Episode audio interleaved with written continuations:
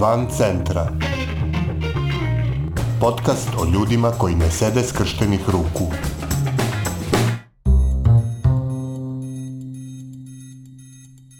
Ovo je 67. epizoda podcasta Van centra, koji prati napore ljudi iz cele Srbije da poboljšaju kvalitet života u svojim sredinama.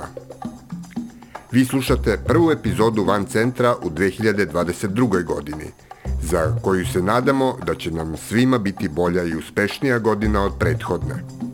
Mi ćemo i u ovoj godini nastaviti da predstavljamo aktiviste, organizacije, inicijative i pojedince iz cele Srbije, koji se trude da daju svoj doprinos tome da ovo zaista bude jedna bolja godina. Jedna od takvih organizacija je i Tim 42 iz Leskovca – Mnogo je pitanja i problema i u Leskovcu i u celoj Srbiji koje smo nasledili iz prethodnih godina, a za koje je ova organizacija, sastavljena od iskusnih aktivista, želi da ponudi odgovor i rešenje, kako u svojoj lokalnoj sredini, tako i na nacionalnom nivou.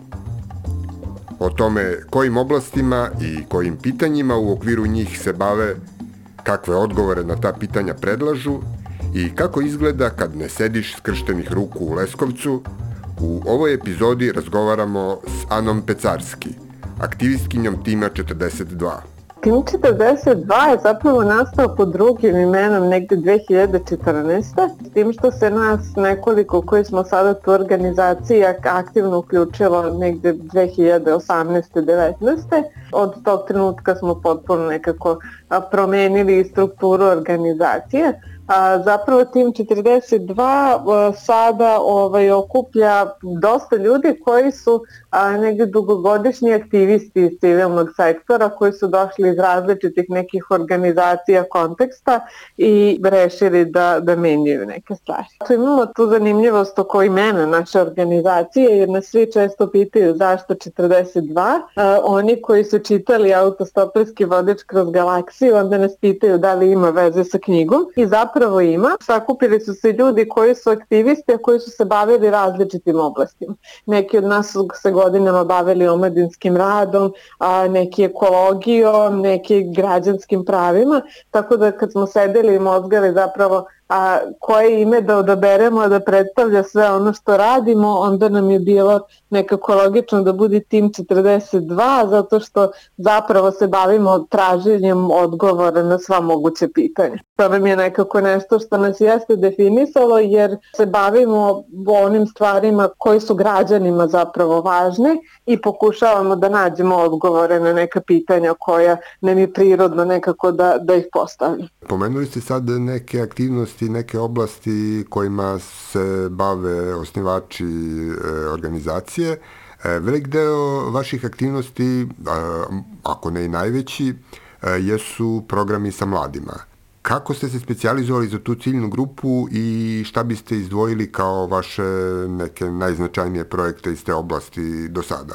Mi smo omladinski radnici. Ja sam lično omladinska radnica po zanimanju i to je nešto što radim već više od 10 godina. Dosta radimo uh, sa mladima i to nam je baš važno da da radimo sa, sa nekim novim generacijama i da imamo taj princip ne onaj politički mladi su naša budućnost, nego mladi su naša sadašnjost. Vrlo nam je važno, pošto smo organizacije iz Leskovca, a, gde mladi imaju ograničeniji pristup nekim programima koji su možda dostupniji mladima u univerzitetskim gradovima, u većim centrima, onda nam je stvarno bilo važno da te omladinske programe pokrenemo na lokalu, primarno na lokalu i da tim mladima iz Leskovca zapravo pružimo priliku i da dožive neke programe neformalnog obrazovanja i da se pitaju o, o životu u svom gradu. A, tako da smo tu negde uklopili nekoliko projekata koji se zapravo nadovezuju jedni na druge. A, 2020. smo sproveli istraživanje položaja i potreba mladih. A, dosta dobrih informacijama smo dobili i ono što je važno to je da a, je grad sam prepoznao ovo istraživanje kao relevantno i ono je iskorišteno kao polazna tačka za izradu strategije unapređenja položaja mladih u Leskovcu, od 2021. do 2025. A mi smo paralelno i mapirali nekako uh, koje, koji su to programi koji su dostupni mladima u Leskovcu, pa smo hteli da uporedimo ta, ta dva, šta je ono što mladi kažu da im treba, a šta je ono što imaju dostupno na raspolaganju, da bismo mogli da i sami kreiramo programe koji se uklapaju u tu neku rupu između ta dva, ali i da zagovaramo ka donosiocima odluka da se ti programi za mlade nekako ovaj, da omasove, da ih ima više i da budu kvalitetni i da budu njima prilagođeni. A, nakon tog istraživanja organizovali smo i prvi strukturirani dijalog mladih sa donosiocima odluka I to je nešto što nam je zaista važno da mi ne pričamo u ime mladih, nego da sami mladi pričaju svoje ime. I da negde učimo donosioca odluka da mladi treba da se pitaju. Jedan projekat koji tek započinjemo i koji će se baviti time da kreiramo uh, jedan mehanizam zajedno sa mladima i sa donosiocima odluka da kreiramo mehanizam na lokalu gde će mladi moći uvek da učestvuju u svim važnim pitanjima koja se donose na, na lokalu. Kakav će to mehanizam da bude, ja ne znam u ovom trenutku, zato što je ideja čitavog projekta da ga sami mladi kreiraju. E, vi ste jedan od e, resurs centara za program Mladi su zakon. Kako to funkcioniše, šta, šta se tu sve dešava? Tako je, mi, mi već godinama sprovodimo taj, sad Mladi su zakon programa, zapravo ovaj, rebrendirali smo ga pre par godina u Šta nam teško. Ove godine smo zajedno sa, sa partnerima u okviru Šta nam teško programa podržali uh, 137 volonterskih akcija na teritoriji čitave Srbije 20 volonterskih kampova i u jednu veliku volontersku akciju koja se paralelno dešavala na 10 lokacija u čitavoj Srbiji akciju šta nam teško da počistimo i u okviru ovogodišnjeg programa prema našoj evidenciji nekoj učestvovale više od 2300 volontera iz čitave Srbije. E, šta je važno, nama je ovaj program vrlo značajan zato što u njemu učestvuju uglavnom oni mladi koji se tek ulaze u svetog uh, aktivizma. I nama je baš važno da, da tu budemo, da ih podržimo ne samo financijski jer je to neki mali deo te podrške koje od nas dobijaju, ali više mentorski, više da ih sprovedemo kroz čitavu tu proceduru, da im negde pokažemo da ima hiljadu stvari naravno o kojima treba da se misli, ali kad jednom prođu kroz to i kad iskustveno prođu kroz to uz neku podršku, čini nam se da se uh, više ohrabruju da, da se i dalje društveno angažuju u, u narednom periodu. Osim mladima, vi veliku pažnju posvećujete i životnoj sredini. Koje projekte biste nam tu predstavili? Tako je, zaštita životne sredine je nešto o, što je nastalo i iz našeg interesovanja ličnog, ali i to je u poslednjih nekoliko godina najviše građana nam se javlja sa problemima koje se tiču životne sredine. A, trenutno sprovodimo dve paralelne inicijative koje se tiču zaštite životne sredine i to na lokalu u Leskovcu. Jedna se tiče kvaliteta vazduha, tako da mi trenutno zagovaramo kod, kod lokalne samouprave a, da se za početak uvedu merenja PM čestica da bismo znali koliko je zapravo to zagađenje. Trenutno postoje građanska merenja u Leskovcu koja pokazuje da je vrlo često 10 puta ovaj, veća do, uh, koncentracija PM čestica u vazduhu od one koja je dozvoljena i da, da se ti rezultati objavljuju na vreme da bi građani znali kad da idu napolje, kad da se da uh, ograniče svoje vreme provedeno napolju, ali i da bismo dobili te neke bazne rezultate na osnovu kojih možemo da, da kasnije radimo i na unapređenju ovih para parametara na tome da, da vazduh zaista bude kvalitetniji, a ne da mi samo znamo koliko je on loš. U okviru te inicijative koje, koja se tiče kvaliteta vazduha, e, mi smo u saradnji sa Kreni promeni pre nekih skoro mesec dana postavili u Leskovcu a, pamučna pluća a, čiji je cilj da ovaj, prikažu i zapravo građanima kakva je situacija sa vazduhom u Leskovcu i već nakon tri nedelje ta pluća su postala stan siva. E, druga inicijativa koju trenutno radimo e, se tiče Fonda za zaštitu životne sredine u Leskovcu, jer smo analizirali e, zapravo kako se troše ta sredstva iz, iz Fonda za zaštitu životne sredine i tu smo došli do nekih prilično alarmantnih podataka.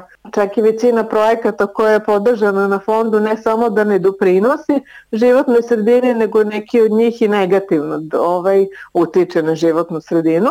Pa želimo da zagovaramo da, da bar ta sredstva neka koja postoje i koja bi trebalo da doprinesu nekom zdravijem okruženju za građane, da bar ona budu a, potrošena svrsishodno i da, da građani imaju neki benefit od, od tih ulaganja. Sa tom temom o zdravoj životnoj sredini svakako vrlo je e, tesno povezana i tema e, zdravlja i to je isto jedna važna oblast kojom se bavite. E, na šta ste u, u toj oblasti stavili akcenat? A, mi se godinama ovaj, i, i u okviru udruženja, ali mi lično bavimo tim mehanizmom zaštite prava pacijenata. Prvo građani ne znaju kome da se jave, ali čak i kad nađu, ovaj, kad nađu o, informaciju o tome kome mogu da se jave kad imaju neki problem sa ostvarivanjem svojih prava, savjetnici za zaštitu prava pacijenata zapravo a, i ne pružaju korisne informacije za njih. Iz više razloga, zato što su o, lokalne samouprave uglavnom imenovale neke pravnike koje već rade u okviru neke gradskih uprava da se bave pravima pacijenata. O, oni ili nisu i dovoljno obučeni za to, ali imaju neke svakodnevne poslove, a zapravo je strašno važno da vi imate nekog e, kome možete da se obratite kad vam je uskraćeno neko pravo, a posebno ako je pitanju pravo na lečenje, jer to nas nekako sve pogađa lično i svi, svi građani su u nekom trenutku pacijenti i svi se nekad obraćamo zdravstvenim ustanovama. Kontakti savjetnika, na primjer u zdravstvenim ustanovama u Leskovcu, su bili zastareli i e, nisu bili dostupni građanima kontakti e, trenut, osobe koja trenutno obavlja tu funkciju. Građani prvo ne poznaju koja su to njihova prava, ne znaju kad im je ugroženo neko pravo, a onda i nemaju kome da se obrate kad, kada se to desi. E, mi smo zato isproveli dve, dve vrste kampanja. Jedna je bila e, namenjena prema građanima, da njih upoznamo prvo sa time šta su ta prava, da ta prava iz, iz zakona o pravima pacijenata prevedemo na praktično i da, da objasnimo onako narodskim jezikom šta to znači, a da ih onda animiramo da se obraćaju ovaj, nadležnim ustanovama kad imaju probleme i ovo je nešto što želimo da, čime želimo da se bavimo zapravo i na nacionalnom nivou jer je istraživanje koje smo uh, sproveli uh, pokazalo da tek u nekoliko lokalnih samouprava uh, u, u čitavoj Srbiji ovaj mehanizam funkcioniše. Jedan vaš zanimljiv projekat zove se besplatni servis za građane o radnim pravima. E, o čemu se tu radi? Mi imamo generalno u Leskovcu problem nepoštovanja radnih prava od strane poslodavaca, e, kako velikih kompanija, tako i, i nekih malih privatnih firmi.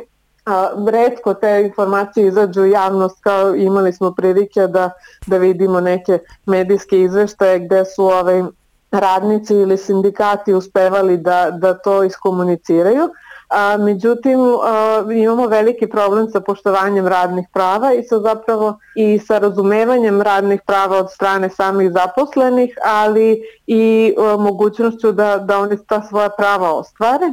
A onda se desila epidemija COVID-19 i onda su, onda su ta radna prava još više pogoršana. Rukovodstva nekih fabrika u Leskovcu su se odlučila da nastave svoju delatnost uprkos nekim preporukama vlade Republike Srbije i Zavoda za javno zdravlje i kriznog štaba. Zaposleni su primoravani da rade bez primene propisanih mera zaštite, a, pod nekim usmenim prednjama, otkazima i slično. Organizovan je prevoz radnika u prepunim autobusima gde nije moglo ni da se obezbedi onaj maksimalni broj putnika da bi se obezbedila neka distanca. Tokom pandemije neke od većih fabrika su čak angažovale neke nove radnike bez ikakvih ugovora. Zato što je dosta ljudi bilo na bolovanju, pozivali su radnike koji su započinjali rad u fabrikama bez ikakvih ugovora, tako da je nama bio cilj da ovde um, zapravo informišemo građane i građanke koje radna prava imaju, ali na koji način mogu da ih iskoriste i zaštite. Akcenat je bio na tim pravima koje su bila ugrožene u tom trenutku u jeku pandemije, ali zapravo nam se dosta ljudi javljalo i sa nekim pravima koje su im bila ugrožena još, još pre početka pandemije. Pružali smo neku vrstu administrativne pomoći i podrške za prijave nadležnim inspekcijama za pokretanje nekih postupaka i procedura kako bismo nekako pomogli tim, tim ljudima da znaju da nisu sami i da postoje neke procedure i da postoji nešto što mogu da urade kad prepoznaju da se njihova radna prava krši. Više puta smo u ovom razgovoru pomenuli lokalnu samoupravu. E, na vašem sajtu čak stoji izjava e, smatramo da je važno da se posvećeno bavimo temama od značaja za građane i lokalnu zajednicu bez obzira na postojanje ili odsustvo projektne podrške našim aktivnostima. Pa me sad zanima e, u kojoj meri postoji ta podrška i komunikacija? Pa da, mi, mi zapravo se bavimo temama kojim, kojima se bavimo i kad ima projekata i kad nema projekata i to nam je nekako baš važno da članovi organizacije i koriste svoje slobodno vreme da bar sa, sa nekim minimumom ali da, da imamo uh, uvek aktivnosti u, u okviru tema kojima se bavimo jer negde i vidimo to kao svoju ulogu da uh, se bavimo onim stvarima koje smo prepoznali da su važne za, za društvo i za, za same građane. Sa lokalnom samoupravom pa i imamo različite odnose, mogu da kažem, u zavisnosti od toga u kojoj oblasti radimo.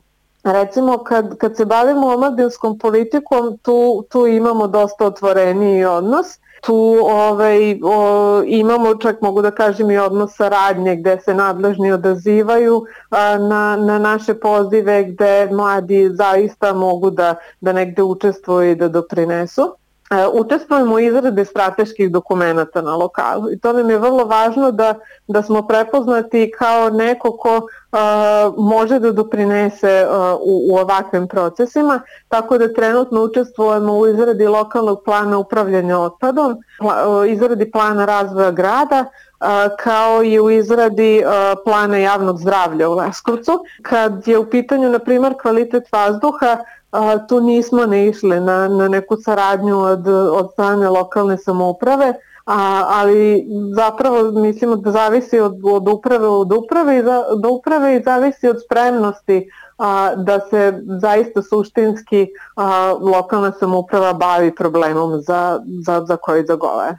Pre nekih dve i po nedelje započeli smo novu 2022. godinu. Šta su vam najvažniji planovi u ovoj godini? To je da izguramo neke stare priče. Što se tiče kvaliteta vazduha, zaista nam je važno da počnemo da, da sprovodimo ta merenja koja ne postoje i da, da se ta situacija sa vazduhom bar korak po koraku napređuje. Što se tiče rada sa mladima, u planu je da intenziviramo taj rad na lokalnom nivou. Znamo da ćemo sprovesti radionice za više od 100 mladih iz, iz Leskovca, da ćemo kreirati taj mehanizam koji se tiče aktivnijeg učešća mladih na, u don, procesima donošenja odluka na lokalu, a ono što nam je negdje plan za, za 2022. to je da uspostavimo o, smislen savet za mlade u Leskovcu, naravno šta nam teško i uvek negde u planu i, i a, taj, taj program planiramo da, da nastavimo i ta podrška neformalnim grupama i, i mladim volonterima i volonterkama nam je a, nešto što je značajan deo naših aktivnosti i što nam je vrlo važno da, da i dobijemo informacije od samih mladih i šta je ono što oni prepoznaju kao stvari kojima žele da se bave ali i da im pružimo tu neku podršku da, da nastave sa, sa građanskim aktivizmom. Bila je ovo epizoda Van Centra za 19. januar 2022. godine. Nove priče o ljudima koji ne sede skrštenih ruku moći ćete da čujete u sredu 26. januara. A umeđu vremenu pridržavajte se mera zaštite od koronavirusa, čuvajte svoj i tuđe živote i ne ćutite pred glupošću i nepravdom.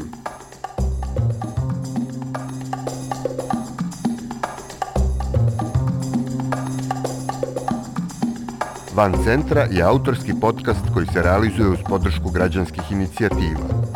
Stavovi izneti u emisiji nisu nužno stavovi redakcije podcasta Van Centra, niti udruženja građanske inicijative. Redakcija Tara Petrović, Miodrag Mrkšić i Aleksandar Gubaš. Urednik i voditelj Aleksandar Gubaš. Muzika i Logical Beat i Band Sound.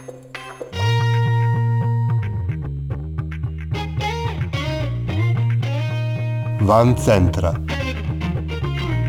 Podcast o ljudima koji ne sede skrštenih ruku.